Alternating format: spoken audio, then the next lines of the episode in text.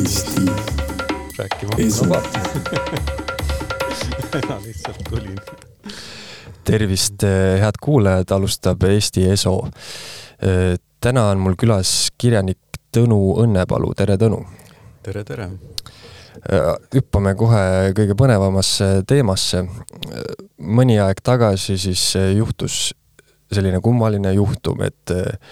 kandideerisid kirjaniku palgale, sulle määrati see ja sa loobusid sellest. ja siis sa kandideerisid uuesti, sulle määrati uuesti ja sa loobusid uuesti. et äh, siia Eesti hallile kirjandusmaastikule natuke vürtsi ja minu meelest väga põnevad lükked. oma uues raamatus Palk äh, natuke ka lahkad seda teemat ja ma usun, et paljudel äh, tekkis küsimus, et miks ta küll nii teeb, miks ta nii käitub ja mulle tundub, et sul endalgi tekkis see küsimus, et äh, miks ma nii teen no nüüd on sellest juba tükk aega möödas, et oled sa jõudnud selgusele, miks sa nii tegid? tead, ega päriselt ei ole. Et äh, ma võin leida tuhat põhjendust ja vabandust ja, ja, ja vahel see tundub ka lihtsalt täieliku lollusena. aga, ja noh, peale kõige muu, see on kuidagi juba nagu kauge minevik. enne koroonaaega ja kõike, see on juba ajalugu, et ega, ega ma selle teemaga ka enam isiklikult ei tegele ja noh, raamatki nüüd kõik ilmunud ja välja antud ja sinu raamatus tulebki minu meelest välja niisugune huvitav asjaolu, et öö, see muidugi ei keskendu kirjaniku palgale ja sellele juhtumile täielikult, et see on öö, kuidagi selline algpunkt või katalüsaator, millest siis öö, saab alguse tollane mõttemaailm. aga välja tuleb huvitav fakt, et ega me inimestena väga ei teagi, miks me mingisuguseid asju teeme, et no nagu, nagu sa ütlesid, et sa võid ratsionaalselt kuidagi põhjendada, et öö, võib-olla sa tundsid, et see, see kirjaniku palk kuidagi piirab sind või, või paneb sulle mingisuguse kohustuse peale, eks ju, aga, aga mis see tegelik põhjus on, noh, raske öelda, eks ju. jah. et see ongi, see ongi kummaline, et et me oleme kuidagi noh, laias laastus ja enda arvates ikkagi sellised päris ratsionaalsed ja ja nii enam-vähem ütleme igapäevaselt ikkagi ju käitume mõistlikult. aga mingites just nimelt otsustavates olukordades võib see ratsionaalsus täiesti kaduda, kui, kuigi, kuigi me endiselt arvame, et me väga kainelt kaalutleme. Ja siis me teeme siuhti mingisuguse otsuse, mingi äkilise otsuse, mis päris palju noh, võib mõjutada edasist elu. Aga siis see on tehtud ja, ja on tehtud ja enam ei ole midagi parata. Ja nüüd läheb nagu elu keerab teisele rajale. aga kas see, kas seda nüüd oli vaja või ei olnud vaja, kes seda oskab öelda, sest vot see esimene rada, kuhu me oleks pidanud minema, seda, sinna me ei läinud ja seda enam uuesti proovida ei saa, see on see huvitav asi, et eh, tegelikult eh, nagu kaks korda ühtegi asja elada ei saa. elad, elad ühe korra ja nii on see on huvitav, et kindlasti mingisuguses äh, paralleeluniversumis äh, sa võtsid selle palga vastu ja mingisuguses sa isegi ei kandideerinud sellele. oi jaa, jaa, mõlemad oleksid olnud ka täiesti mõistlikud lahendused. täiesti ratsionaalsed. täiesti ratsionaalsed jah, jah, ja, ja ei, ma sedagi ikka, ikka vahel, noh eriti sellistel tumedatel hetkedel, kui tundub, et äh, raha kuskilt ei tule ja siis, siis ma ikka olen mõelnud, et noh, oleks nüüd see palgakene, oleks nagu süda rahul ja hea elu. oleks on äh, paha poiss, nagu nad ütlevad. ja ei, see on täiesti mõttetu muidugi, mõttetu haudumine selliste mineviku asjade kallal sa mainid ka sellist äh, vastukaja sellile, sellisele otsusele raamatus ja, ja mm, sellist äh, rünnakut, et kui ma ise seda lugesin ja, ja soovitan muidugi ka kõigil lugeda seda raamatut, et äh, siis ma mõtlesin selle peale, et äh, võib-olla kui näiteks olümpial on võib-olla kõige kõige kurvem koht on, on ju neljas koht näiteks, et sa jääd just sealt medalist ilma, siis äh, sinu otsuse järel oli võib-olla kõige kurvem inimene hoopiski viies, sest äh, justkui sina hüppasid sealt medalikohalt ära ja, ja neljas vist siis sai ja siis ma mõtlesin muidugi selle peale, et, et mis tunne võis, võis olla sellel kirjanikul, kellele siis helistati öeldi, et kuule, et Tõnu, Tõnu ei taha jälle seda palka, et äh, saad sina. et milline see, see vastukaja oli või, või milline oli see Eesti kirjandusmaastiku rünnak sinu vastu? esiteks ma ei, ma ei tea, kas see on või oli täpselt nii, et nüüd äh, oli mingisugune neljas, kas need oli üldse neli või, või no,? ma ei tea, ma lihtsalt ja, ja mõtlesin ja, nagu ja, analoogia. järgmine või minu meelest need hääletasid uuesti lausa. Et ma täpselt ei tea, et see nagu on, ma, ma arvan, et ma ei usu, et see, see inimene, kes nüüd selle sai, et see väga sellest äh, puudutatud oli niikuinii on selle, noh, ma tean ja olen üsna kindel, et ükskõik, kes selle saab, ega, ega see on ikka niisugune kahe otsaga asi, et ta on ühtepidi nagu auhind, aga teistpidi jällegi nagu ei ole ja, ja noh, üks paras jama. aga no mis sa hädaga teed? aga mis see, mis see teine küsimus oligi? et äh, sa mainisid, et ah, jaa, see vastukoja, jah ja jah, see oli ikkagi ausalt öelda jalustrabav. noh, see ei olnud üldse nüüd nii, et, et kõik kirjanikud oleksid olnud äh, vihased või pahased või kuidagi äh, vaenanud, aga olid mõned. ja, ja ausalt öelda, ega ma ei saanudki lõpuni aru, mis noh, nagu ma saan aru, miks, aga aga ikkagi see oli kuidagi nagu liialdatud reaktsioon minu meelest, noh, kui see on palk, siis jumal hoidku sa võid ju mitte tööle minna, lihtsalt loobud enne, enne kui sa kirjutad lepingule alla ja ongi kõik. seal ei tohiks ju kellelgi midagi ütlemist olla. no ilmselt äh, on see faktor, et inimesi häirib see, et, äh, et sa pead ise selleks kandideerima ja siis sa loobud no aga igale töökohale kandideeritakse, aga lõppude lõpuks sa võid otsustada, et ei, see töökoht ei ole mulle, mis siis, et sind sinna valitakse. kui see, kui me jääme selle juurde, et see on palk, aga noh, see ei ole palk tegelikult. see ongi see, ütleme, konks seal asja taga natukene, et seda nimetatakse palgaks ja, ja justkui niimoodi presenteeritakse ja, ja tehniliselt ta seda on, aga noh, mis ta tegelikult on, ma ei teagi ma ei tea, kuidas see protsess täpselt toimub, aga kas kandideerides siis peab nagu esitama mingisuguse nii-öelda projekti või, või oh, mingisuguse jaa, plaani, et mida jaa, sa kavatsed jaa, kirja panna? ja, ja, ja see on muidugi tõeline valede kataloog, see, see projekt, sest noh, kui sa oled vähegi kirjanik ja nagu ma ei tea, kümnendik kirjanik, siis sa igal juhul mõtled välja vähemalt kümme raamatut, mis on kõik väga huvitavate pealkirjadega ja ja, ja huvitava sisuga ja põneva noh, ma ei tea, ideega, et see ei ole üldse küsimus, aga loomulikult sa neid ei kirjuta jah, huvitav, kas äh, Kultuuriministeeriumis siis äh, nagu tehakse mingisugust äh, statistikat ka, et äh, näete, vaadake, tema lubas neid ja neid raamatuid, aga kus raamatud on? ei, ma ei usu kõik teavad, et see, noh, kindlasti mõni ka kirjutab, vaata, kui sul on näiteks asi pooleli juba, siis on väga kerge seda esitada sellise projektina. või, või juba ma ütleksin peaaegu valmis, see on nagu kindel tee, noh siis ta on valmis ja siis, aga noh, ta ei ole veel ilmunud, siis on see väga hea projekt seda küll, kas sina siis tundsid, et, et see palk või, või selline kohustus või, või tiitel või, või mis iganes see on, eks ju, et et see kuidagi pärsiks sinu kirjutamist? jaa, seda noh, sellest ma olin juba ka mingil määral ette teadlik, aga, aga noh, kuidagi see on nii, et, et kui sa seda küsid ja taotled, siis üleüldse elus, kui on miski ei ole veel sündinud, siis sa kujutad ette, et sa saad sellega hakkama ja nagu mõtled igasugu asju välja. aga kui see juba realiseerub, sa oled selle asja sees või sinna astumas, siis sa äkki mõistad, millega tegelikult on tegemist. et noh, seal on palju asju, üks, üks on see, et ega sedagi ette ei tea, võib-olla unustad ära selle palga üldse ja, ja kirjutad ja elad samamoodi edasi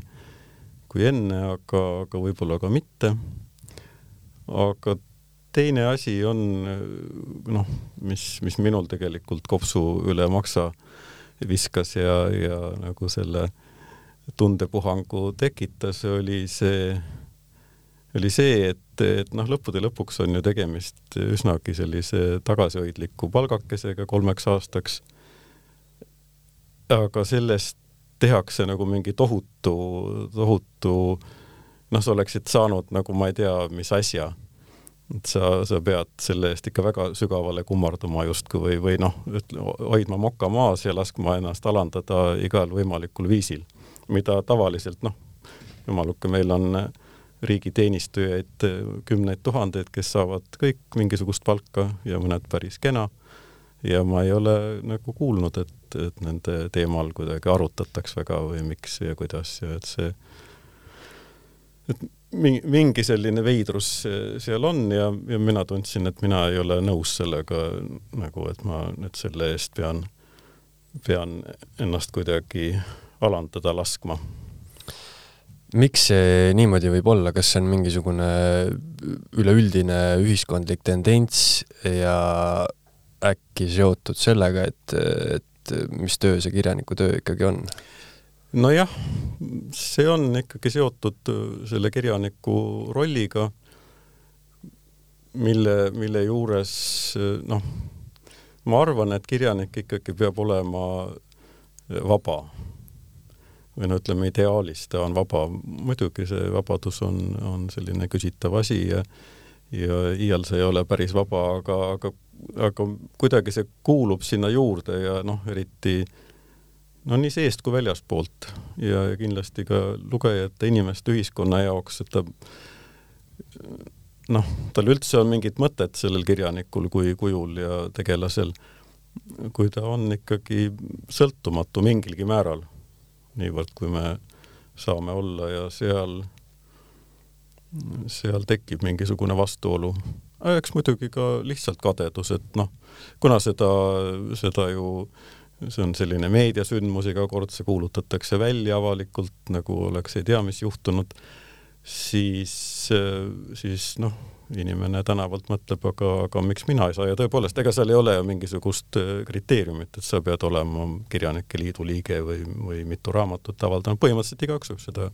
taotleda, et miks, miks tema saab ja mina ei saa, mõtle kolm aastat äh, selline kena palgakene, midagi nagu ei peagi tegema. et, et selline noh, kuna ikkagi nii palju inimesi elab ju suhteliselt peost suhu ja kuidagi katsub nagu läbi tulla päris, päris rasket tööd tehes tihtipeale. et ega see elukene nii lihtne ei ole. et siis võib kindlasti tekkida tunne, et, et see on nagu ülekohus või selline ebaõiglus. kindlasti ka raamatute rohkuses äh, tundub ju, et äh, kõik on kirjanikud, kes, äh, kes midagi kirjutavad ja, ja kes enda raamatu siis poelettidele, poelettidele paiskavad, aga sa mainisid jah, kirjaniku tööd, et ma tahaks küsida sinu käest, et milline see kirjaniku töö on, et see on üks hästi vana amet ja ja kuidagi selline igapäevane kirjutamine äh, on äh, natuke sellise müstilise hõnguga, et kuidas siis kirjanikud kirjutavad, et kas nad on palavikulised öised kirjutajad, kes pritsivad välja kaks romaani kahe kuu jooksul ja siis kaks aastat elavad selle palga peal, või, või on see selline kaheksast viieni iga päev, et, et kuidas sinu kirjutamisprotsess käib? jah, selle eks see kirjaniku kuju on natukene niisugune salapärane, sellepärast et äh, tõepoolest ta ju kuskil tööl ei käi, ei ole sellist kirjanduse äh, bürood, kus kirjanikud istuvad kaheksast viieni ja, ja kirjutavad ilusasti et.... seda ei saa ka õppida kuskil? ja seda ei saa ka otseselt õppida ja ega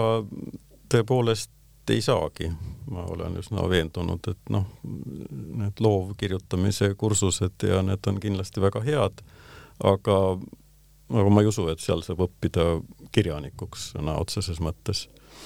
saab õppida kirjutama, aga jah, muidugi see kirjaniku, kirjanik kui niisugune, ta ei ole väga vana amet tegelikult. ta niisuguses tänapäevases mõttes ikkagi tekkis kusagil üheksateistkümnendal sajandil sellise iseseisva ameti ja tegelasena just nimelt ühiskonnas. ja, ja noh, ei ole mingit garantiid, et ta jääb igaveseks niisuguseks, et kahtlemata ta on väga suures muutumises praegu ja ongi nii, et ega noh, mis saab olla vastuväide, et ma olen kirjutanud raamatu ja ma olen kirjanik, kes ütleb, et ei ole ma mõtlesin ja selle vanuse all just seda, ütleme siis ideelist kirjaniku mõtet, et lugude jutustaja, eks ju, et et mis, või kes üldse on sinu arust kirjanik? minu arust on kirjanik lugude jutustaja ja, ja juhtumisi ta siis paneb need ka kirja jah, niisuguses ürgses tähenduses ta on, on kindlasti seda lugude jutustaja, elu tunnistaja ja, ja, ja ütleme, mõtestaja. ükskõik siis millisel viisil jah, ka see, et ta nüüd kirjutab raamatuid, see, see jah, ei, on lõppude lõpuks selline väline külg asja juures, aga aga võib-olla ka mitte nagu päris väline, et see raamat kui niisugune, ta on ikkagi pikk lugu, et see on, see on see, see, mis temas on erilist, noh, seal võib olla ka mitu lugu, aga aga ühesõnaga, et sa, et sa sellesse, sellesse jutustamisse või tunnistamisse ja sellesse sõnade maailma süvened ikkagi kohe päris, päris põhjalikult ja, ja tegelikult terve, terve elu. Ma arvan, et see lõppude lõpuks teeb sinust siis selle kirjaniku või, või jutustaja või lauliku mingis vanas tähenduses.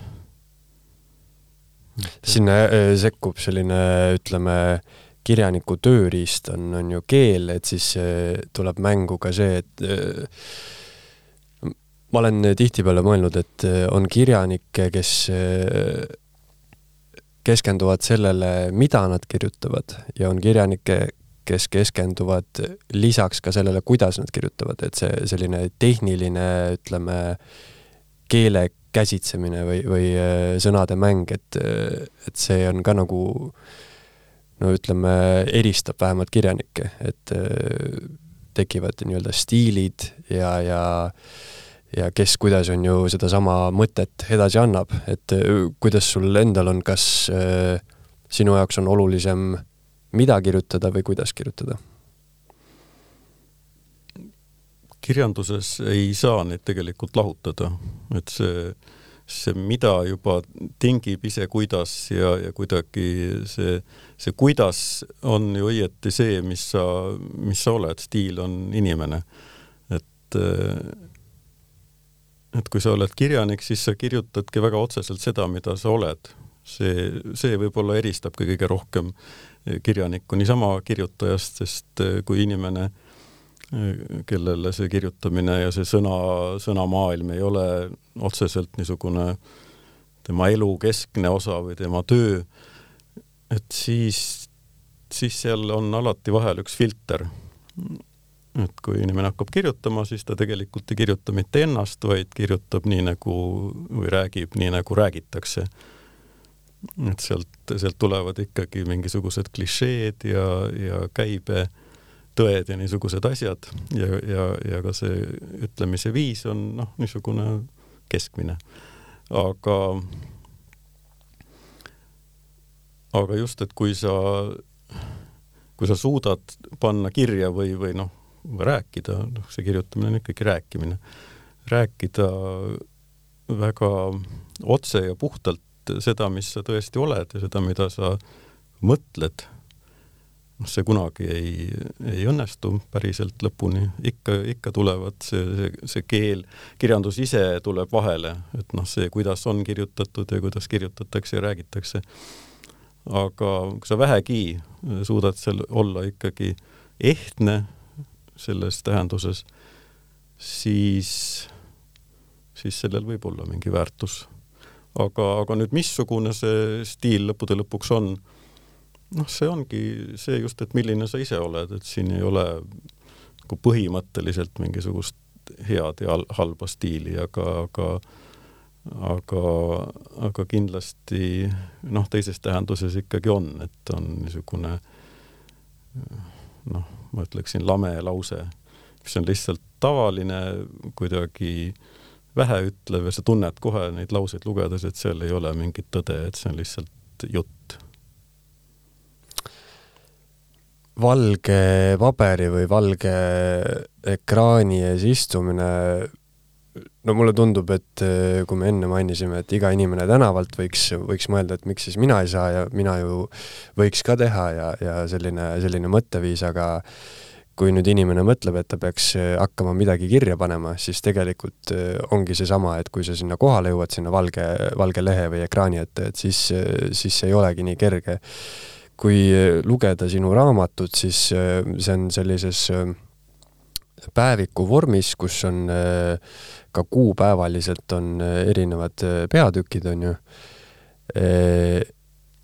Äh, kuidas sinu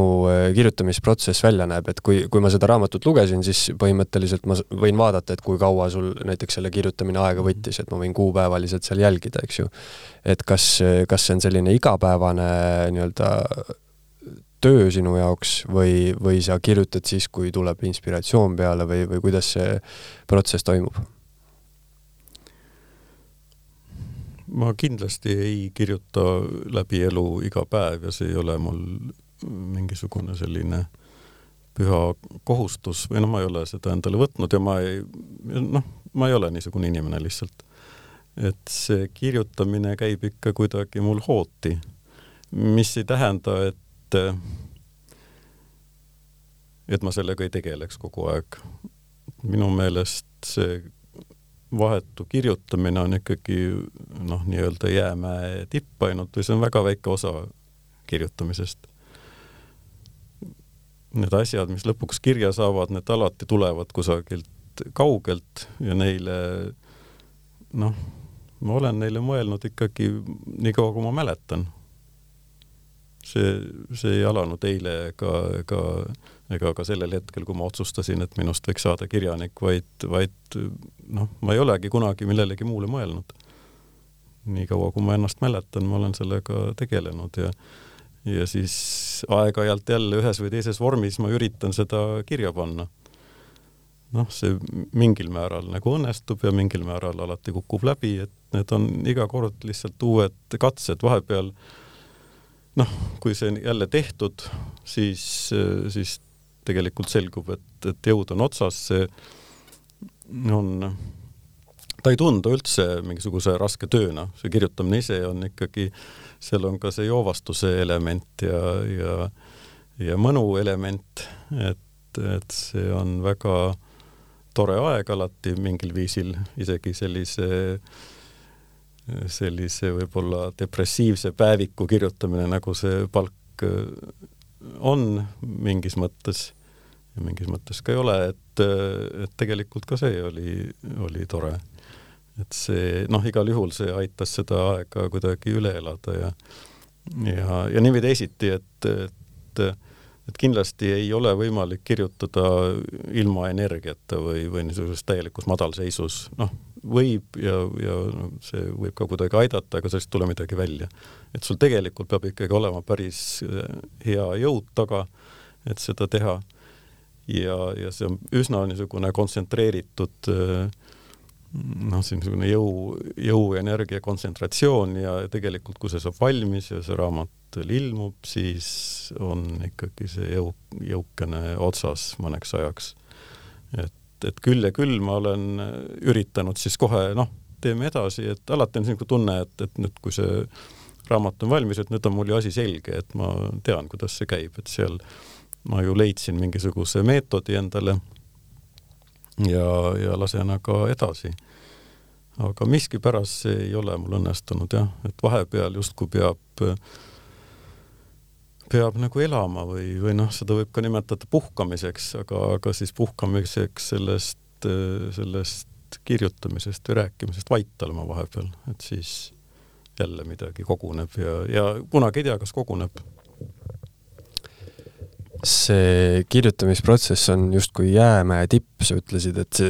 siit äh, ma hakkasin mõtlema hea analoogia peale, et kui torumees tuleb äh, koju, onju,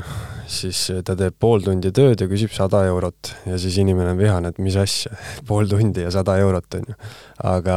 aga noh, see on jäämäe tipp, et, et kõik need aastad, äh, mis torumees on nii-öelda kogemusi või noh, kogemust kogunud, onju, et, et see maksabki see sada eurot. mitte, mitte on ju see, et ta teab täpselt, mida teha või, või noh, kui kaua tal selleks läheb et äh, tundub, et äh, kirjanikega on samamoodi, et, et see kirjutamisprotsess on äh, noh, kelle jaoks siis vaevalisem või mitte, aga seal taga on, on ju noh, nagu sa ütlesid, et see ei ole niimoodi, et ma nüüd eile mõtlesin, et ma hakkan kirjutama, vaid sa oled terve elu mõelnud sellest. Jaa, ja see on ikkagi veel palju-palju hullem, sellepärast et kui sa tõesti ühe ameti ära õpid, mis on amet nagu see, see, see torumees või elektrik, siis sa äh, noh, siis sa ikkagi oskad seda ja oskadki ja tegelikult, kui sa selle toru kinni keerad, siis ta ka kinni jääb ja seal ei ole äh, nagu midagi noh, see on peenoskus kõik ja, ja kogemus ja, ja see muidugi see võtab noh, aastaid see õppimine, ükskõik mille, mille, mille äraõppimine. aga, aga ta selles mõttes on ikkagi küllaltki kindel, et sa nüüd seda oskad ja see tuleb ka välja, aga vot kirjutamisega seda garantiid ei ole. mingis mõttes sa muidugi oskad nüüd neid lauseid teha ja kuidagi ritta panna ja, ja seal on kogemus ja sa saad aru, kui tuleb välja, ei tule. aga, aga see lõplikult ei ole ikkagi sinu käes ega võimuses, et kas see nüüd ka midagi tähendab, mida sa teed. vot see, see jääb sinu aarde ulatusest välja, et, et, tegelikult sa oled nagu alati ikkagi küsimuse all, et kas sa oled või ei ole nüüd see kirjanik. see võib-olla teebki sellest ikkagi ühe üsna raske ameti, et, et selline kahtlus, kahtlus on võib-olla elu lõpuni ja, ja ka kümnenda raamatuga sa mõtled, et kas see ikkagi on üldse midagi väärt või, või noh, selline ütleme, iseenesekriitika tuleb kindlasti kirjutamisprotsessi ajal väga kõvasti välja. jah ma ütleksin, et kümnenda raamatuga on see isegi hullem, sellepärast et esimesega võib-olla noh, kui see võetakse hästi vastu, siis, siis võib-olla ongi tunne, et, et oo, et nüüd ma, nüüd ma oskan ja, ja algaja õnn. algaja õnn, jah. aga, aga kümnendaga sa tead juba, et noh, tegelikult sellel ei ole väga suurt tähtsust, kas see nüüd võetakse hästi vastu või halvasti vastu, sest see, see seal on ka midagi väga juhuslikku võib-olla, et et hästi võetakse vastu ka täielikku kräppi ja, ja mõni hea asi ei leia mingit mõistmist, noh, kellegi poolt kindlasti leiab, aga, aga need, need on mingid ühiskondlikud hoovused, mis iga raamatu puhul kuidagi hakkavad tööle. et kuidas ta, kuidas ta oma vastuvõttu leiab, et see ei ole mingi igavikuline hinnang sinu tööle, et kas see nüüd oli või ei ole olnud? oma raamatus sa räägid üsna avameelselt ka rahaasjadest ja siis ma mõtlesin, ma läksin poodi, ostsin sinu raamatu, mis maksis enam-vähem kakskümmend eurot. Ja oma raamatus sa panid kirja, et viiskümmend prossa sellest läheb nii-öelda poele, kolmkümmend viis läheb kirjastusele ja viisteist saad sina, siis ma mõtlesin, et sellest kahekümnest eurost ma kolm eurot siis andsin sinule selle raamatu eest, aga noh, sada protsenti ma lugesin sinu raamatut, et, et see nagu selle väärtus oli sada protsenti, on ju, on ju sinu, sinu panustatud. kas oled sa proovinud selle vastu kuidagi võidelda või see tundub, see tundub täiesti naeruväärne? noh aga lõppude lõpuks pood tahab ka elada ja kirjastajast rääkimata ja paberit on vaja, trükkida ja see ei ole ju mõeldav, et, et see noh, raamat on ikkagi juba ka asi, et sa, sa ei osta ju ainult nüüd minu sõnu, vaid sa ostad selle asja, millega on ja, ja mille sinuni toomisega on terve hulk inimesi vaeva näinud. seda küll, mulle lihtsalt tundub see balanss kuidagi hästi-hästi eh, kirjanikuvaenulik siis noh, muidugi ta võiks parem olla, aga, aga ma ei tea, et ega kuskil väga, noh, ma, ma ei ole ka nii kursis, aga laias laastus mid-, midagi sinnapoole minu meelest on ta nagu üsna igal pool, et et noh, muidugi siin meie väiksel maal on lihtsalt see, need arvud on nii väikesed, mida noh, kui palju meil lugejaid on ja kui palju neid raamatukesi ostetakse, et, et see teebki selle lõppude lõpuks, miks miks kirjanik meil tegelikult oma raamatute müügist noh, kui, kui elab, siis, siis vahetevahel ja, ja keskeltläbi ikka viletsasti või noh, pigem üldse mitte, et miks, miks on kõik need riiklikud ligimaksud ja stipendiumid ja, ja, ja asjad, noh, mida ma üldse ei, ei eita ja, ja ilma milleta niisugune vähegi noh, professionaalne või niisugune pühendumine kirjandusele eesti keeles, ega ta ei oleks eriti võimalik. Lugejad seda paraku kinni ei maksa, noh eriti kuna see raamatute ostmine ka ikkagi jääb järjest vähemaks ja päris kiiresti, ma olen seda ise näinud ja kogenud, et see asi ei lähe mitte paremaks selle külje pealt see on jah huvitav, eriti kui eh, vahepeal kuuled või mõtled eh, tiraažidele, mis on justkui olnud, et kui vaadata kas või mingisuguseid vanu nõukaajal välja antud raamatuid, siis seal tihtipeale trükiti taha ka tiraaž, noh, ma ei tea, kui alati trükiti, jah. et kui, kui täpsed need arvud seal on, aga no kui vaadata, on ju, praeguseid tiraaže või siin kuulda, on ju, mis on mhm. kuskil seal noh, parematel kirjanikel seal paari tuhande ümber, on ju, aga siis olid paarikümne tuhande ümber, et, et siis justkui tundub see argument, et eestlasi on vähe, kuidagi, kuidagi tühine, et, et noh, kõik saavad aru, et turg on väike, väike rahvas, aga ju siis ikkagi on see, et loetakse vähem. jah, aga neid aegu ei saa ka õieti võrrelda, ega neid olukordi, et et siis sellel nõukogude ajal inimestel igasugust meelelahutust oli, oligi väga vähe ja teiseks võimalust osta mingisuguseid asju oli, oli vähe, et see raamat oli, ega neid kümneid tuhandeid siis ka kõiki läbi loetud, neid osteti niisama endale riiulisse ka,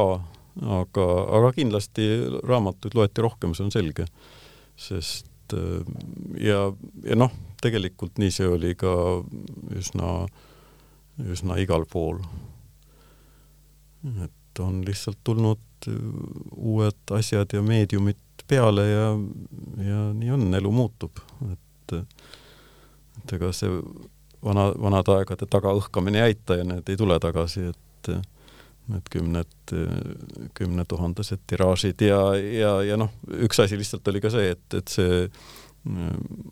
raamatute erinevate tiitlite arv oli ikkagi kordades väiksem kui praegu. Et raamatuid ilmus lihtsalt palju vähem ja siis ja pluss see, et nad olid ka odavad ja noh, ühesõnaga palju-palju asju. aga, aga jah noh, mingil viisil kindlasti kirjandusel oli tähtsam roll ühiskonnas ja noh, luulest rääkimata, luuleraamatutegi trükiarvud olid ju tuhandetes ja, ja need mõnedel juhtudel ka kadusid kohe kiirelt leti pealt ja leti alla isegi kui me räägime Eesti kirjandusest konkreetsemalt, siis no selle osas sa väga armuline ei ole et huvitav, huvitav mõte või, või lause sinu raamatust oli see, et see on kirjandus, mis proovib olla kirjandus. ma ei tea, mis sellest välja lugeda, et siis see on kuidagi koopia millestki aga miks sulle Eesti kirjandus ei meeldi ja, ja mis, mis siin puudu on? no otse öeldes puudu ongi lugejatest.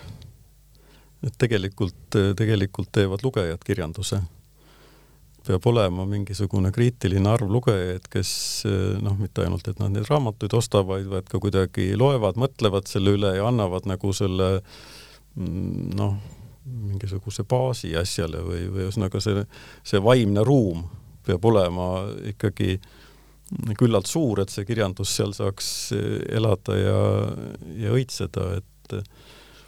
et kahjuks ta noh, lihtsalt ei ole siin. ja, ja noh,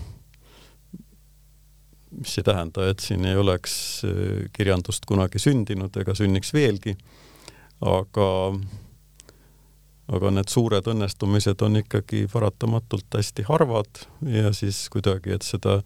hõredust äh, täita ja noh, ma ei tea, institutsionaalseltki jätta ikkagi muljet, et meil on kirjandus ja noh, ilmuvad ju kirjandusajakirjad ja kõik Kirjanike Liit on ja et siis noh, mulle tundub vähemalt, et toimub niisugune teatud kunstlik täistoppimine, et et ja noh, mingi elu kuidagi iseeneses või iseenese jaoks on, on see kirjandus justkui olemas ja seal tasapisi tekib mingi niisugune asi, et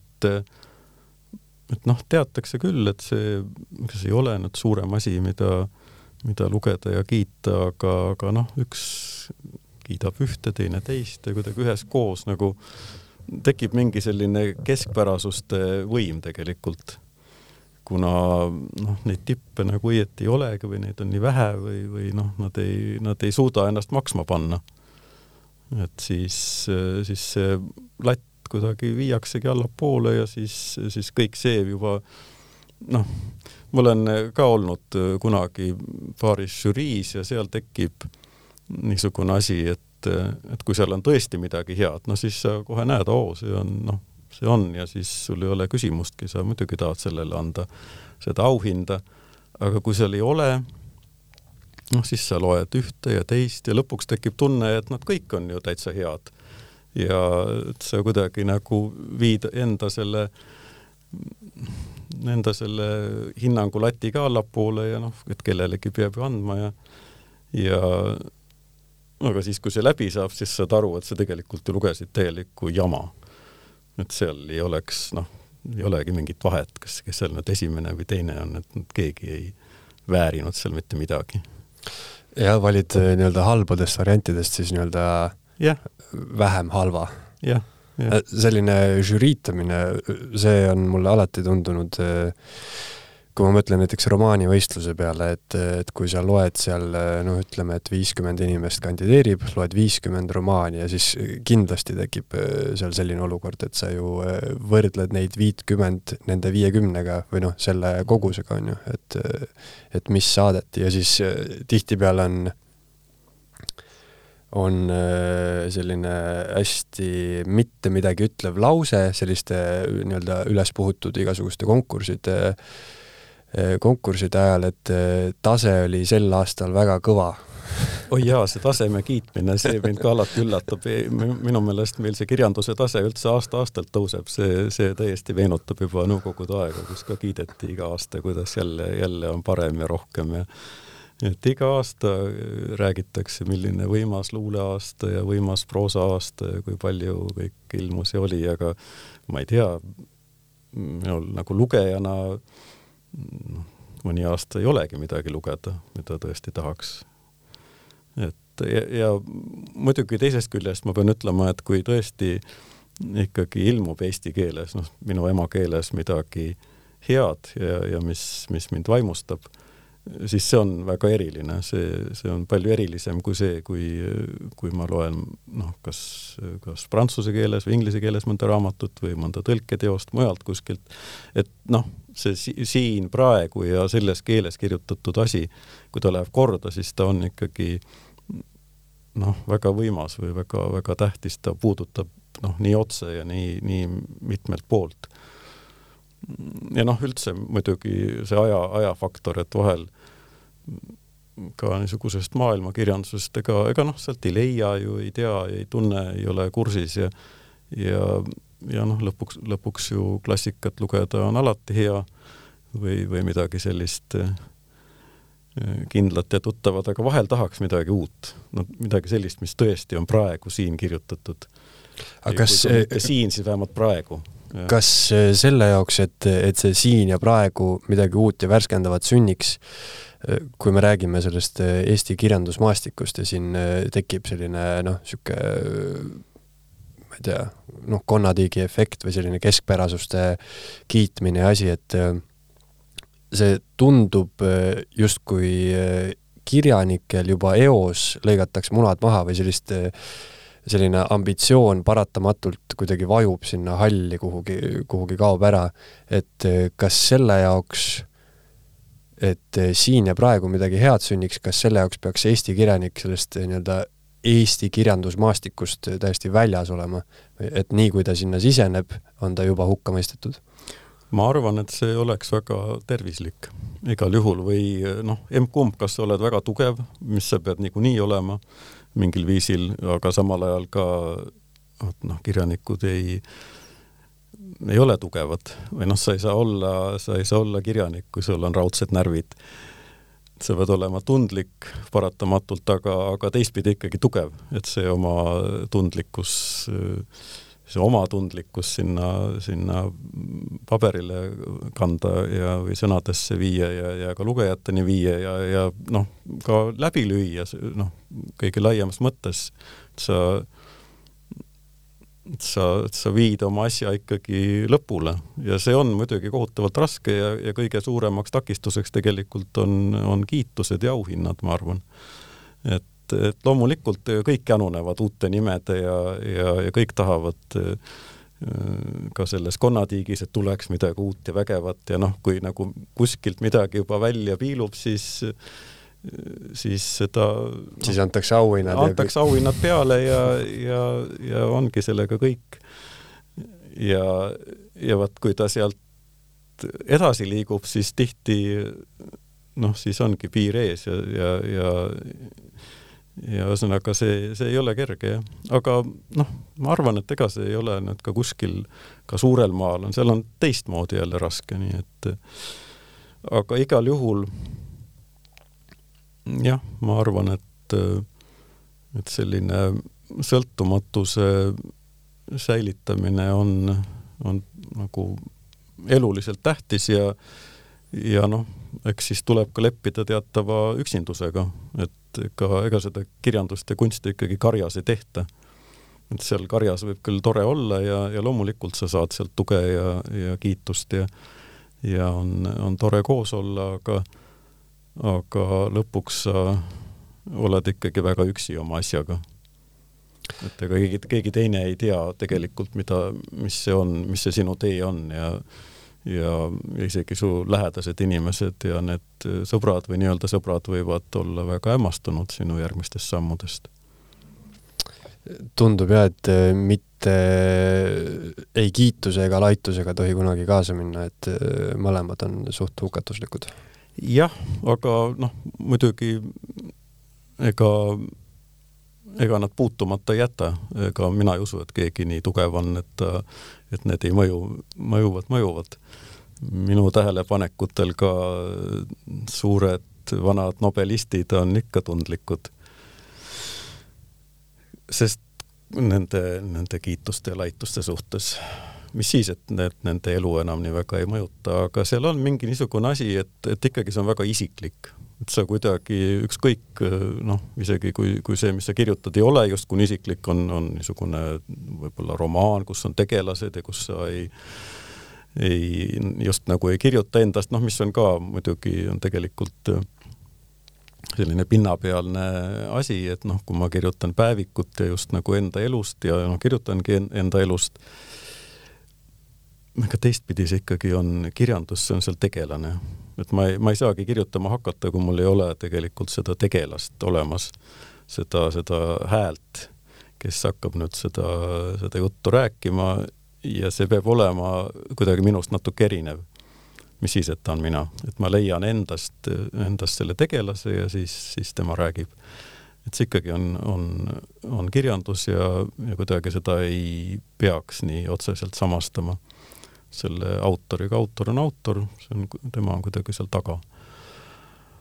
Aga... jah, võib-olla autori, autori see siis,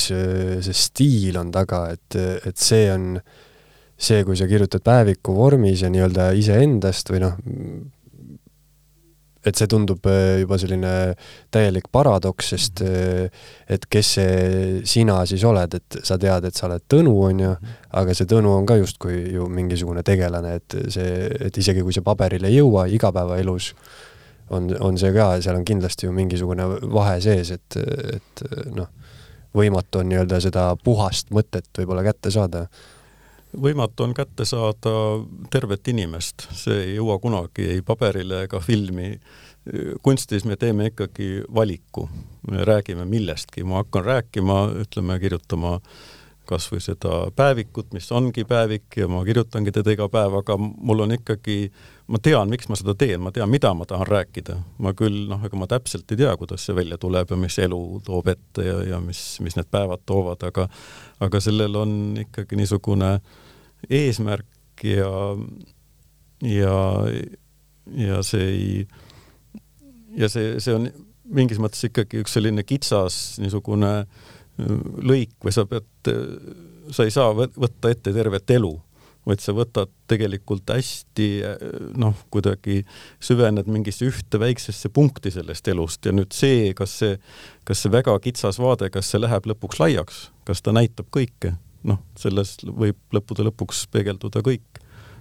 Aga teistpidi see ei tööta, et noh, ma võtan nüüd ette terve maailma ja kirjeldan ta ära ja siis, siis ongi seal kõik kirjas, ei saa. ja ka ühte inimest, ka iseennast ei saa nagu lõpuni äh, lehekülgedele laotada ja noh, mis lõpuni, sa ei saa, sa ei saa üleüldse. kui sa, kui sa hakkadki seda tegema, siis tuleb sellest välja lihtsalt üks hunnik klišeesid, et see ei ütle mitte kellelegi mitte midagi. Ma ei tea, kas see oli äh, Alfred Hitchcock, kes ütles, ma ei ole kindel ja et kes ütles, et äh, film on äh, elu ilma igavate kohtadeta ja see nagu näitabki seda valikut, on ju, et mis, mida sa kujutad, mida sa kirjutad, mida sa, mida sa teed, et mis valiku sa teed. aga jah, sellist kui, kui lugeda raamatut, mis on nii-öelda hea, siis vähemalt mina tunnen küll niimoodi, et, et seal on alati mingisugune äratundmise efekt või selline samastumise efekt mm. -hmm et, et kuigi on ju kirjanik on minu jaoks võõras inimene, et ma oskan eh, seda samastada enda, enda nii-öelda elu kontekstis, oskan seda mõtestada. et eh, selline kihistus on hästi oluline, nagu sa ütlesid, et võib-olla mingi, sa teed ühe väikse valiku, on ju, sa võid kirjutada raamatu ühest tunnist, aga, aga sa saad sellest eh, tuua seoseid nagu ütleme, terveks eluks jaa, no selge see, me raamatuid ju loemegi ainult iseenda pärast ja iseennast me sealt äh, loeme. ja, ja see on, on tegelikult üks paradoks, et, et, et sa võid kirjutada väga spetsiifilistest asjadest, mis justkui äh, noh, puudutavad ainult sind või üldse mingit väga kitsast äh, ala inimeksistentsist või nagu justkui enam, enamuse inimesi peaksid jätma ükskõikseks, aga aga kui nad sind tõeliselt puudutavad, siis tegelikult nad puudutavad ka kõiki teisi, sest, sest asi ei ole mitte selles konkreetses faktis, noh, kas või mida ma, mida ma omal ajal märkasin, kui, kui see piiririik ilmus siin ja seal keeles ja ja ma käisin ka seal noh, kohtumas või, või kuskil seal Itaalias näiteks seda lavastati, tehti mingi lavastus ja ja ja seal ma sain aru, et noh, kuigi see on mingis väga niisuguses spetsiifilises vaates üks Ida-Euroopa eestlane Pariisis, eks ole, et tema, tema kogemused, et need ei tohiks ju kuidagi puudutada inimesi Sardiinias näiteks, aga ei, vastupidi, nemad, nende jaoks oli see ükskõik ausalt öelda, noh, see Ida-Euroopa või mitte, nemad nägid seal ennast mingisuguseid enda asju, mis on äh, noh, inimene mingisuguses piirsituatsioonis, see on ikka lõppude lõpuks sama, ükskõik mis need asjaolud seal on. nojah, selline universaalsus, mis siis äh, ületab need äh, igasugused äh, regiooniti erinevad, erinevad isikupärad ja asjad, et, et sa raamatus ütlesid ka päris hästi, et mis mind ajas naerma seal, oli see, et et mingi aeg oli justkui seal noh, kui me räägime seal Itaaliast ja Prantsusmaast ja sellest, et mingi aeg oli justkui äh, Lääne-Euroopas oli siis Ida-Euroopa oli moes, aga siis saadi aru, et see on ikkagi tavaline Ida-Euroopa tagahoov, et äh, nüüd see enam moes ei ole. oled sa seda ise tundnud, et ma ei tea, kas raamatuid tõlgitakse vähem või huvi on vähem? No kindlasti jah, see, see moehoog oli kahjuks väga lühikene, no see oli sellel, sellel hetkel, kui see Ida-Euroopa avanes ja ja see oli miski uus, eks seal samamoodi kogu aeg oodatakse midagi uut ja siis oli ka lootus, et sealt tuleb midagi radikaalselt uut, sest kõik on ka igal pool oma sellest kirjandusest natukene tüdinud ja ja noh, eks sealt midagi natukene tuli, aga siis selgus, et ikkagi väga palju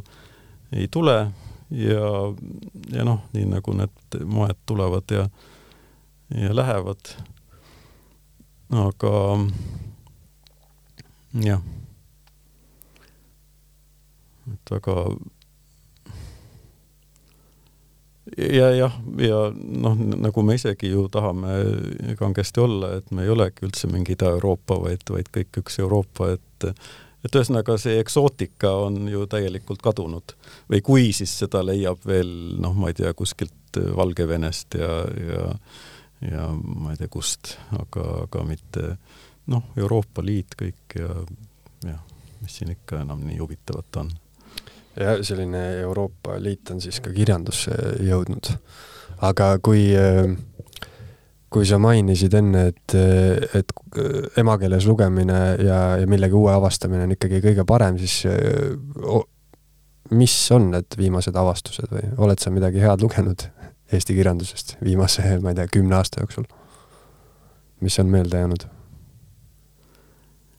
no ma ikka olen lugenud ja, ja noh, ma ei saa öelda, et need oleksid nüüd kõik külmaks jätnud, aga, aga noh, neid niisugusi, üldiselt ikka meeles on niisugused viimased elamused alati või millest tahaks rääkida, need kahjuks ei ole küll eesti kirjandusest. siin mõned, mõned kuud tagasi just mind tabas selline suur igatsus millegi, tahaks kangesti midagi väga noh, ikkagi päris, päris värsket lugeda,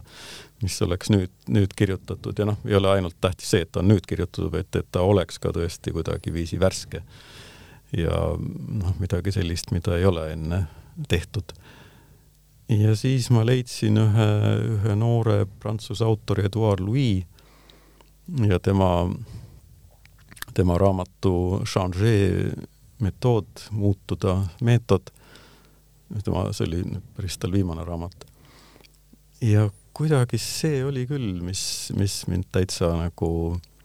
vaimustas ja, ja, ja ma tundsin, et voh, see on tõesti praegu kirjutatud ja ja midagi, midagi on seal enneolematut. noh, ilma et, et seal nüüd, nüüd kokkuvõttes oleks nii enneolematu, aga aga, aga ikkagi. Eesti keeles seda ei ole, eks ju? ma vist hakkan seda tõlkima nüüd ise, see asi viis selleni, noh, juba ma natuke seda kahetsen, seda lubadust, aga see on alati nii pikk ja suur töö aga vähemalt ma olen jah, ta on mul laua peal ja ja, ja, ja äkki ma pean ta ikkagi ära tegema. no tõlgi ära jah, siis me saame ka lugeda. tõlkimine tundub äh, selline veel tänamatu amet vahepeal, et äh, tõlkimine on ju ka noh,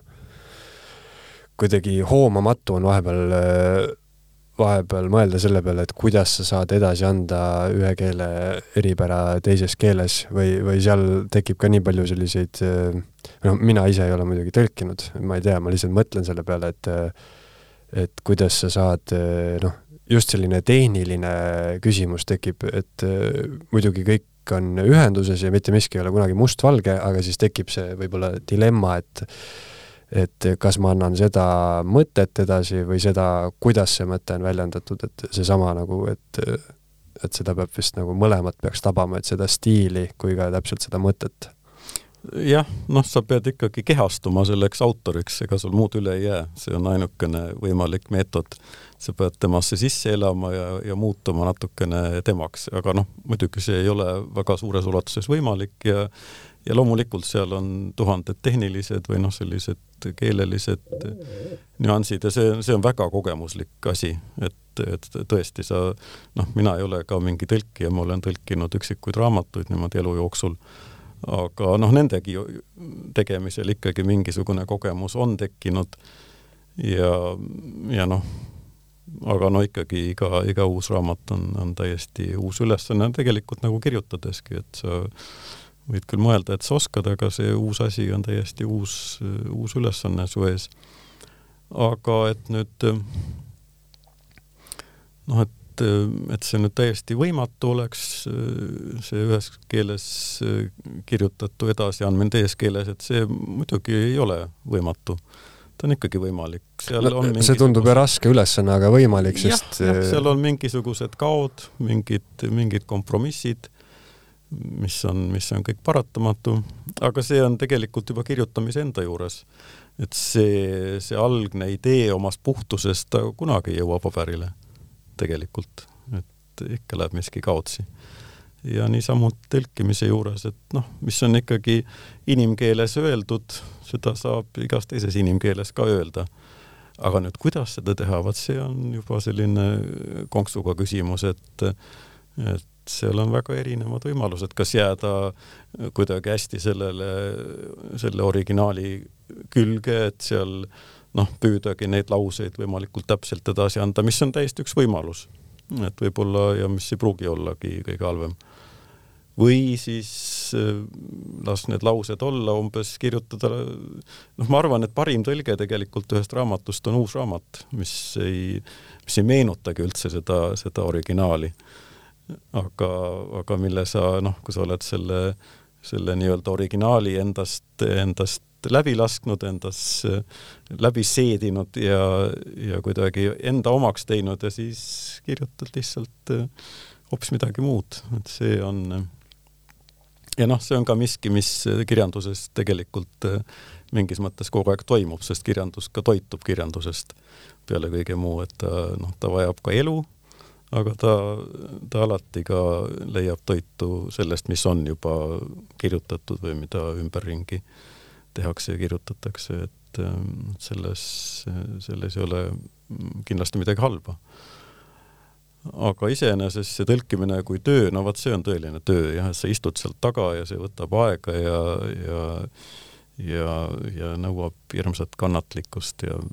lihtsalt minul alati mingil hetkel tekib õudne viha selle autori vastu, et mis asja. sa näed, kui sa, kui sa võtad need laused ikkagi tükkideks lahti ja kogu selle asja, siis sa näed ka seal puudusi, mis on paratamatult igal pool ja, ja noh, tahaks lausa ümber teha, aga seda ei või. või noh, kas ümbergi teha, aga, aga sa näed, et noh, mis asja ma nüüd tõlgin, et siin on ka igasugust jama et äh, aga noh, siis, äh, siis tekib mingil hetkel see, et, et sa võib-olla tõesti leiad selle võtme, et mis see siis ikkagi on, mis ta teeb. ja, ja noh, siis läheb kergemaks. jah, selles mõttes küll, et et see on ju võimalik ülesanne, kuna me teame, et klassikud on tõlgitud kõikidesse maailma keeltesse ja on väga populaarsed igas keeles ja äh, tundub, et siis peabki see, see lugu peab olema piisavalt tugev, et kui sealt isegi nagu teise keelde ümber pannes midagi on ju pudeneb või läheb kaotsi, siis noh, see on nii väike osa, et see lugu ikkagi jääb nii-öelda jalgele, jääb püsima. jaa, just nimelt. kui seal on ikkagi midagi tõelist sees, siis äh, küll ta siis saab seal teises keeles ka, isegi kui see tõlge ei ole teab kui hea ja neid, neidki näiteid on ju küllalt, kus on äh, noh, oma, omaaegsedki tõlked, ütleme Eesti-aegsed, noh, kui nüüd, nüüd lugedes nad tihti on ikkagi väga viletsad. noh, polnud raha ja polnud aega tuli ruttu ära teha ja ja noh, muidugi see tõlkekeel ka kuidagi vananeb rutemini ja seal on need asjad, aga aga sellest hoolimata inimesed äh, said lugeda, said sealt mingisugust äratust ja innustust, äh, noh, selle alati saab kuidagi kõrvale jätta, selle äh, kuidas on tõlgitud, muidugi kui ta ikkagi väga kehvasti on tõlgitud, siis mina küll vahel, kui ma loen äh, mingeid noh, pigem nüüd mingeid, ütleme, selliseid ajaloo või, või, või mingit mõttekirjandust, mis on tõlgitud, ütleme, inglise või prantsuse keelest, siis ma vahel, ma pean küll selle lause kuidagi tagasi tõlkima, et aru saada, mis seal nüüd siis öeldud on, et noh, seal on aimata, et miks, miks see asi on nii segane, et ma näen seal taga lihtsalt selle algkeele mingisugust struktuuri ja et, et nüüd selgeks saada, mis ta siis tegelikult ütleb, ma kuidagi pean ta taastama mingisugusel algkujul. et, et kahjuks jah, seda niisugust noh, seesama häda, et ei ole noh, kellel siis on neile tõlkijatele maksta seda väärilist tasu ja siis tuleb teha kole palju ja et üldse ära elada selle tööga. nii ta on. ma tahaks sinu käest, Tõnu, veel küsida, et äh, oma raamatus sa räägid ikkagi ka surmast äh, nii mõndagi, et äh, noh, keegi ei tea, aga mis sinu arvates pärast surma juhtub?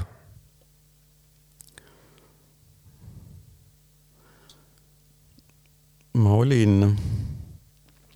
jaanuari alguses, ma olin Kreekas Samosel, läksin sinna nagu nii-öelda mingisse loomemajja kirjutama, aga tegelikult no ma ei hakka täpselt rääkima, mis oli, aga, aga ühesõnaga ma sattusin üsna sellisesse surmaeelsesse seisundisse. no oli niisugune jama no ütleme, tehniliselt see oli, ega ma sel hetkel ei mõelnud, et ma nüüd hakkan kohe ära surema, aga mingis mõttes ma seda nagu teadsin või ja miskipärast, ma ei tea, kas sellepärast, et see oli Kreeka või et, et see tundus, et surra, et see on ju lõpuks unustada kõik see jama, mis on see elu. et unustus, noh, nagu, nagu seal on see unustuse jõgi või see see leete, kust need hinged joovad ja siis nad unustavad kõik, absoluutselt kõik, mis, mis sa siin, mis sa siin teadsid, mis oli tähtis, mida me siin kõik elame oma elus ja mis noh, kas või kirjandus ja hea või halb või, või, või kõik, kõik. et see kaotab kõik tähtsuse. aga, aga mis siis tähtis on või mis, mis, mis on, vot seda ei, ei tea jubedalt ju tahaks kuidagi seda mõista või mõtestada, noh, läbi selle, mida me teame, läbi nagu meie prisma, on ju. jah, aga, aga minu arvates meie või minu äratundmise järgi kogu see meie elu jääb ikkagi siiapoole, et see kõik, mida me teeme ja kirjutame, ükskõik kui vaimne või, või kuidagi noh, meil on võib-olla ka mingid igaviku pretensioonid, aga tegelikult see jääb kõik siia meie vahele. see on selline inimestevaheline asi, mis jääb elu piiridesse siis võiks järeldada, et äh, ka taevas ja põrgu jäävad siia, sest need on üsna meie loodud kontseptsioonid. Need on kindlasti meie loodud kontseptsioonid ja need absoluutselt jäävad siia. Need on, need on ka meievaheline asi, millega me midagi, midagi fantaseerime, midagi üksteisele püüame tõestada ja, ja nii edasi ja meie, meie hirmud ja ja lootused, aga, aga needki on tegelikult ikkagi seotud selle selle Sinatse eluga, mis on äh, jälle üks teine müsteerium, et mis see elu siis on. see on minu meelest veel või noh, vähemalt sama suur müsteerium, et mis ta siis ikkagi lõppude lõpuks on. miks ta on nii tähtis, aga ta kuidagi on tähtis. see, see oli ka üks asi, millest ma kuidagi aru sain siis, et ikkagi see elamine on nii tähtis, et ma ikkagi tahan äh, ma igal juhul tahan elada. jah, aga miks, ma ei tea. jah, see kuskilt mulle viskas hiljuti ette Shakespeare'i tsitaadi, et et põrgu on siin ja kõik teemonid on siin, nagu siin selles meie maailmas. aga see elust kinnihaaramine või see või see, et see on tähtis, kas sinu arvates on see kõigil niimoodi, kas see on meisse nagu sisse ehitatud niisugune, ma ei tea, alalhoiu instinkt? selles on kindlasti ka noh, seda võib nimetada alalhoiu instinktiks, aga see on kuidagiviisi selle elu enda niisugune eh, omadus või, või noh, ma ütlen, et see on müsteerium, ega me sellest lõpuni aru ei saa no kui sa, kui sa ütled, et, et sul oli selline kogemus ja, ja sa tundsid, et ikkagi tahaks edasi elada, siis kui sa mõtled sellele, et mida sa siis tahaks edasi teha, et kas sa tahaks midagi kogeda, kas sa tahaks hingata, kas sa tahaks veel süüa midagi või, või mis, mis see nagu on, mida tahaks mul edasi? oli üks väga konkreetne soov, vähemalt vahepeal, ma mõtlesin, noh, mul tekkisid igasugu motoorikahäired ja ma ei saanud nagu enam hästi liikuda, aga see kõik oli, noh, sellel oli oma kindel põhjus, see on nüüd kõik likvideeritud ja selle, selle taga oli tegelikult üks trauma ja noh, nii edasi, niisugune tehnika. aga ma jäin niisuguseks viletsaks ja abituks ja ja, ja kuidagi igal hetkel ma nagu leppisin selle olukorraga, et noh, nüüd ma olen selline ja ma ikkagi nagu projitseerisin ennast tulevikku, hea küll, et noh, siis ma siis elan niimoodi edasi ja kuidagi siis saan hakkama. aga mul oli üks, vähemalt ühel hetkel ma mõtlesin, et, et ikkagi tahaks kevadel veel maad kaevata selline, selline soov oli. no ühel hetkel oli ka ainus, ainus soov veel see, et ma saaksin kodumaale, kodumaa haigla voodisse ja tõmmataks tekk peale ja, ja siis see on kõik. Ja, ja, ja kui see juhtus, siis oligi kõik, siis ma enam mitte midagi ei soovinud, siis ma andsin nagu kõik oma soovid ära ja noh, siis sai kõik korda no sinu jutu järgi praegu mulle tundub, et sa elasid üle kas infarkti või insuldi. ei, need ei olnud kumbki, ma ütlen, see oli selline traumaatiline, see oli aju nagu ütleme, noh, vere, mitte ajus, aga aju-kolju vahel niisugune mm. Lihtsalt peapõrutustega tuleb olla väga ettevaatlik, noh, esiteks ei maksa kukkuda ja teiseks ma ei teadnud seda, et, et see võib olla sellise kuudepikkuse viitega. Et seal hakkavad tekkima teatud protsessid, põletik, seal koguneb vedelik, mis surub aju kokku. Ja ega mm -hmm. sa, noh, sa ei saa aru, mis sul on, sa hakkad kuidagi koperdama ja ja seal noh, kuna see, ütleme, tehniliselt ongi surmaeelne seisund, et seal looduslikult mingit tagasiteed ei ole, et sa lihtsalt siis sured varsti, et siis ka tekib, ma arvan, et see on ka midagi sellist looduslikku või kehalist, et sa hakkad leppima selle surmaga kuidagi noh, tekib mingisugune ka ükskõiksus ja selline, aga jah, mingi ka selline kummaline leppimine, et ei taha, aga samas nagu lepid. nii siis nii. jah, jah. see on, see on ka huvitav mõte, et kuidas ühest väiksest detailist nii-öelda lugeda välja suurem mõte on see, et ma tahaks maad kaevata ja siis sa järeldad sellest, et tahaks elada ja,. jah, jah noh, selleks, et saada maad kaevata, selleks peab elama mm. -hmm. et, et ei, see elamine on üks, üks väga suur müsteerium ja, ja temasse ikka mahub noh, nii lõpmata palju, et ega me ei teagi, mis temasse kõik mahub. et see selgub ikkagi edasi elades. Enda raamatu lõpus kirjutad ka nii-öelda järelsõna või kokkuvõtte, mis on siis hiljem kirjutatud, et äh, sealt jäi kõlama üks selline mõte, et äh, noh, et seda kirjutades oli selline üsna depressiivne madalseisu aeg, on ju, aga üsna hirmus on see, et see ei pruugi, et noh, see suure tõenäosusega võib tulla veel nagu selliseid ja, ja võib-olla veel hullemaid, et et kuidas sul,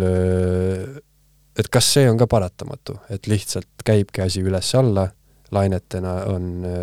tipphetked ja siis tuleb madalseis ja see on nagu kuidagi juba ette teada? no vot ei tea, kas see on paratamatu, see on jällegi üks elu, elule omane asi, et ega me ikkagi lõpuni ei tea. Et on, on asjad, mis elus korduvad ja korduvad ja lõpuks nad enam ei kordu. no kogu aeg õnnelik olla vist ei saa? kogu aeg õnnelik olla ei saa, aga, aga midagi on seal sellist, et et sa noh, üks asi on see, et sa pead seda endale teadvustama, et sa ei saa olla õnnelik kogu aeg ja noh, see õnnelik olemine ka võib-olla vahel ongi lihtsalt mingi eufooria. Aga ja lõppude lõpuks ma ei ole isegi selles kindel, et ei saa olla kogu aeg õnnelik. just nimelt võib-olla õnnelik olla isegi äh, saab, noh, mis ei tähenda seda, et sul ei oleks elus kurbust ja, ja sinuga juhtuks halbu asju, aga aga me võib-olla ajame segi õnne ja naudingu. et kogu aeg ei saa kindlasti olla niisuguses äh, naudingu ja, ja eufooria seisundis, aga aga õnn õigupoolest võiks olla ju midagi hoopis rahulikumat. et äh, noh sa lihtsalt äh, rõõmustad tegelikult, äh, noh, rõõmustad sellegi üle, et, et on jälle päev ja, ja elad, et mina küll praegu noh, kui mulle see nii-öelda teine võimalus anti, et ma vähemalt ma püüan meeles pidada, sest ma seda ka endale lubasin, et ma ei, nii kergesti ei hakka virisema ega vinguma ega, ega ühesõnaga nagu katsun meeles pidada, et, et, et, et see, et sa lihtsalt saad mööda maad käia, et see on juba, juba õnn ümber kukkumata see on jah, sellepärast mulle tundubki, et, et see on nii paratamatu, sest et selle jaoks, et seda mõista, peabki juhtuma niisugune madalseis, et vahepeal, et noh, et ma ei tea, kui sa mõtled inimesele, kes on kümme aastat järjest nii-öelda õnnelik ja noh, elab oma tavalist elu, aga on selles nii-öelda rahulikus õnnestaadiumis et äh, võib-olla siis äh, tal läheb meelest ära, et ta on selles staadiumis, et temaga peab ikkagi mingisugune pauk vahepeal juhtuma nojah, eks me, eks me võib-olla muutume hooletuks oma, oma õnnes, mis ka, mis ka minuga juhtus, et noh, kui ma tagantjärele mõtlen, miks, miks see traumaga tookord juhtus, et ma olingi nagu hoolimatu juba või noh, selline hõljusingi juba mingisuguses äh, õnne, õnnelaines või sellises rahulolus. jah et nii ta, nii ta paraku vist,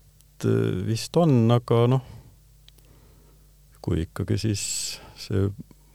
pauk saab üle elatud ja elame edasi, siis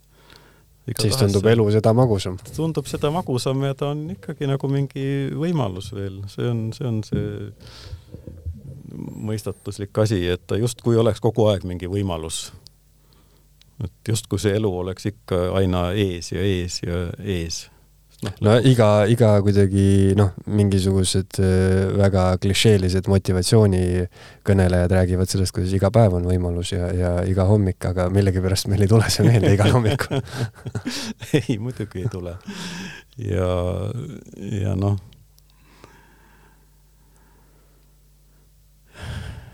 aga mis äh, siis, äh, mis see, mis see oli, et kas sa lõid enda pea nagu äh, mitu kuud varem ära ja siis kuidagi hiljem alles oh jaa, ja ma andis märku. jalgrattalt ja, ja käisin kõik, noh, silm oli sinine ja kulm oli lõhki ja ikka kõva pauk oli. kuuvalges sõitsin mäest alla ilma lambita ja no muidugi ilma kiivrita, see ei olnudki mingi sõit, ma läksin niisama korraks maja juurest järve äärde mm.. aga sinna oli kukkunud tammeoks tormiga, tee peal ma näinud seda ja lendasin nojah, ja käisin kõik Tartu EMO-s ja seal kleebiti kulm kokku ja vaadati, et omal jalal tuleb. ma mängisin ka tubli, ma olin niisugune hakkaja, noh, kõik autoga sõitsin veel Tartusse ja mida kindlasti poleks tohtinud teha. ja, ja, ja jah, noh, mängisin kangelast ühesõnaga, et oi, mul polegi tead midagi viga, no muidugi nad ei hakanud siis seda peakest seal väga uurima ja ja, ja noh, paraneski ära ja midagi ei olnud. aga kahe kuu pärast siis siis hakkasin kuidagi koperdama jalgadel ja, ja nagu ei saanud enam nööpe hästi kinni ja vaatasin, et no ilm, alguses, et noh, eks see siis nagu kuuekümnes eluaasta, et ju see vanadus siis niimoodi tuleb. aga noh, kas see süvenes ja nagu muidu läks ka halvaks, siis ma sain aru, et ja tegelikult ma kohe seostasin selle põntsuga. aga ma ei, noh, oleks pidanud ju minema siis kohe arsti juurde, aga aga seal tekib ka mingi selline äh, ma arvan, ikkagi surmahirm või see nagu tunnistamine, et, et, et ma olengi haige ja sinna arsti juurde minek, et seal tekib tõrge, et ma ei taha surra, et ma nagu teen näo, et ma ei sure. et, et ei, ma saanud sinna selle asemel, kuigi ma olin juba täiesti nagu läbi omadega, ikka lendasin sinna Saamosele vana aasta päeval, sest ma mõtlesin, umbes selline mõttekäik oli peas, et eelmisel päeval, et noh, ma ei peaks minema, aga ma saan aru, et vana aastapäev, et kuule, et siis on need Jõgeva rongid ju täis, et kus ma, käimine on juba vilets, et kui ma oma kohvritega sinna lähen, et lennukis on koht olemas, et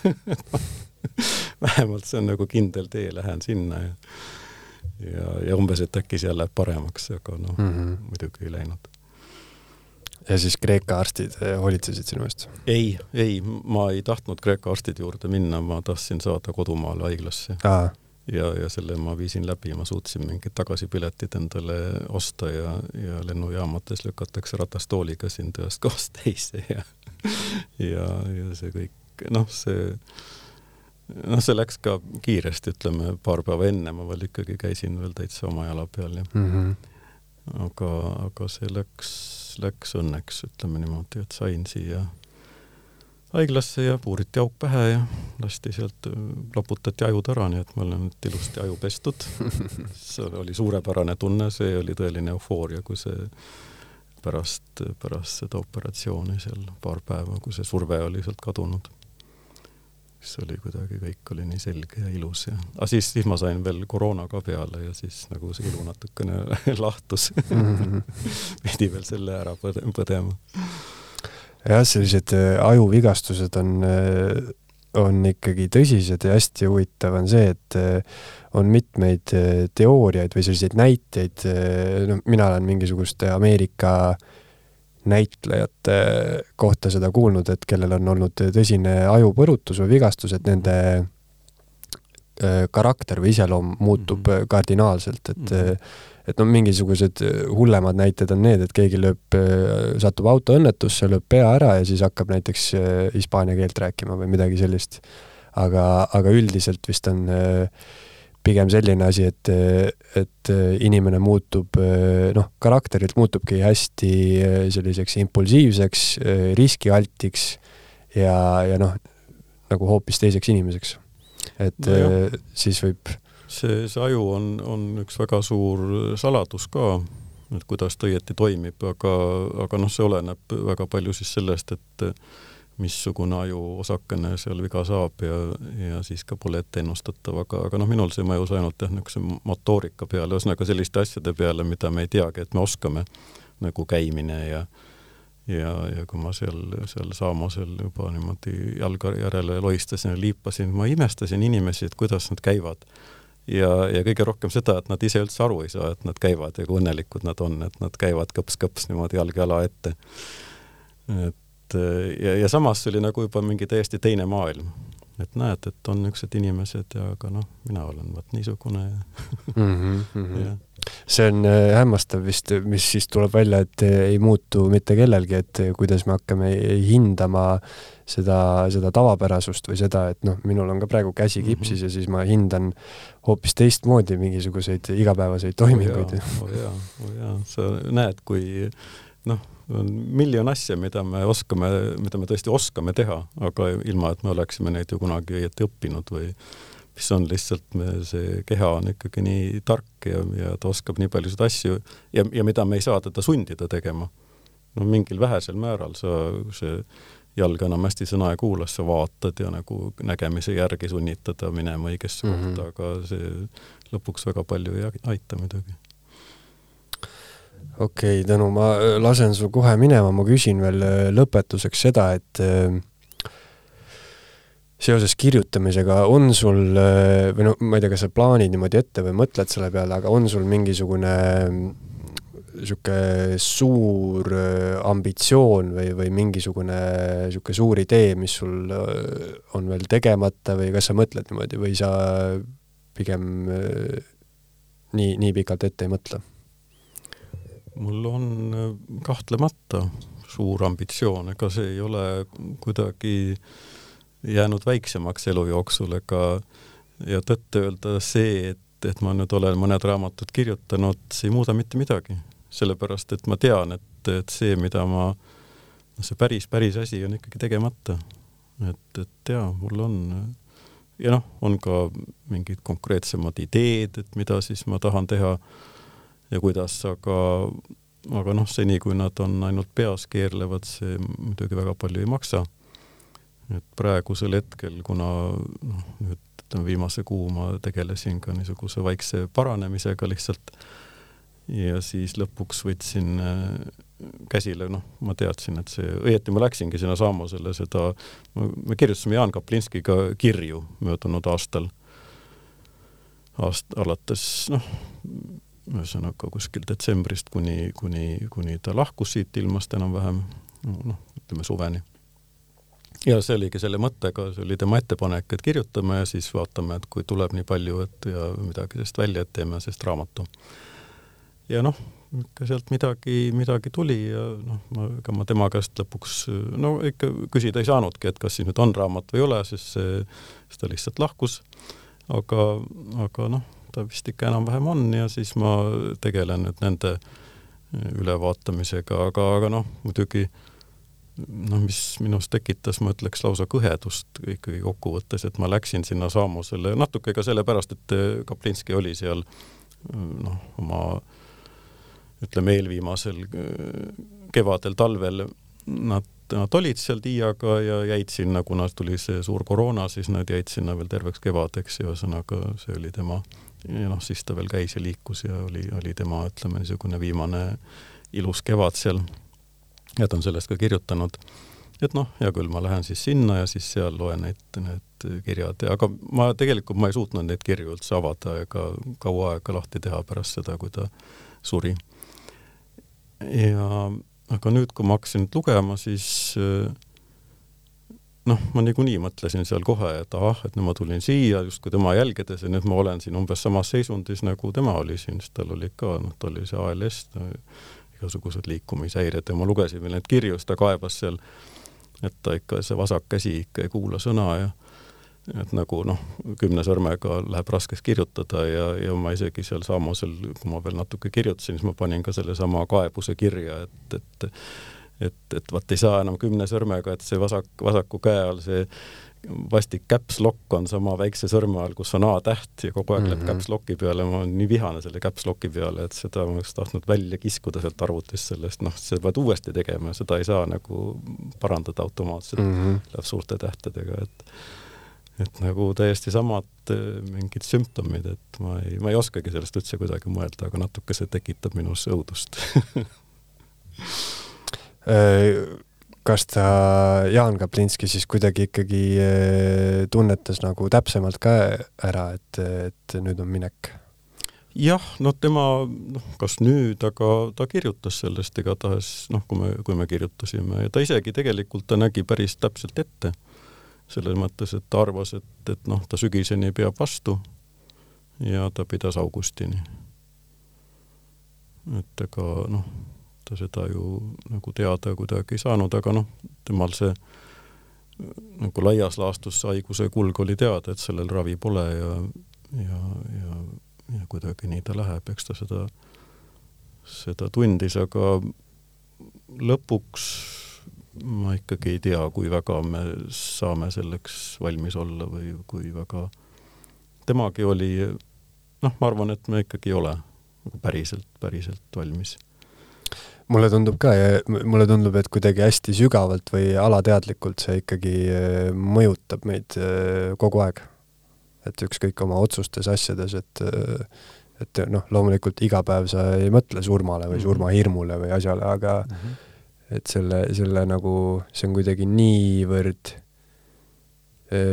niivõrd sisse kirjutatud meisse, et, et see kuidagi mõjutab niimoodi, et sa ei saagi aru sellest jah, kas see on surmahirm või elutahe, need on tegelikult ka ühe asja kaks külge. et mm -hmm. see, see teadmine, et meie aeg on lõplik, see paneb meid tegelikult elama. sest noh, kui mõelda, et me oleksimegi lõpmatud siin maailmas, et, et noh, saja tuhande aasta pärast me ikka elame, no milleks siis üldse midagi teha siis ma ei tea. Need on vist, hingad ja need ongi vist need, ma ei tea, kas on kreekakeelsed sõnad, need eluisu ja surmaisu ja nii palju, kui ma olen kuulnud, et eh, need inimesed, kellel see surmaisu või noh, niisugune surmaiha ületab mm -hmm. selle eluiha, et nemad on võimelised siis äh, nagu vägivaldseteks äh, enesetappudeks, et äh, kuuli pähe laskma või kuskilt alla hüppama. ma ei ole selles ka päris kindel, et see teooria, et see Eros Thanatos, see, et see oleks niisama lihtne, ma arvan, see enesetapu teema on hoopis veel omaette, see on ikkagi mingisuguses noh, mingis piirsituatsioonis sooritatud tegu, mis ei ole, mille taga ei ole noh, no inimene ei saa tegelikult surra tahta, ta tahab midagi muud, ta tahab, et see olukord lõpeks või ta tahab midagi näidata või ta tahab nagu mingit lahendust või ja tegelikult ta tahab seda lahendust ikkagi siinpool. sest noh, sealpoolsest ei tea tegelikult ju ikkagi midagi. ja siis ta teeb ühe teo, mille tagajärjeks on see, et ta võib-olla see, et ta sureb aga iseenesest äh, ma ei, ma ei usu hästi, et selle taga oleks mingi üks äh, psüühiline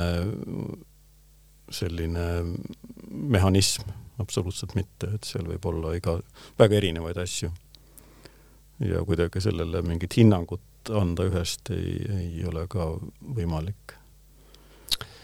aga võib-olla seal teisel pool ongi lahendus, me ju ei tea jah, me ei tea, aga, aga me seda, kui seal isegi see lahendus on, siis selle, selle lahenduse poole, kui me saame liikuda, siis ikkagi ainult oma, oma siinses oma elus. et, et seda küll, jah. sinna hüpata nagu seda lahendust teha me ei saa, kõik, mis, mis me teha saame, on, on ikkagi siin elus, mis, mida meie saame teha iseendana, kes me siia oleme juhtumisi sündinud ja, ja siin elame no vot, selle mõttega võikski lõpetada, ärge ennast ära tapke ja aitäh, Tõnu, et said tulla ja juttu ajada. ja aitäh kutsumast. uues saates juba uued teemad. Eesti Esu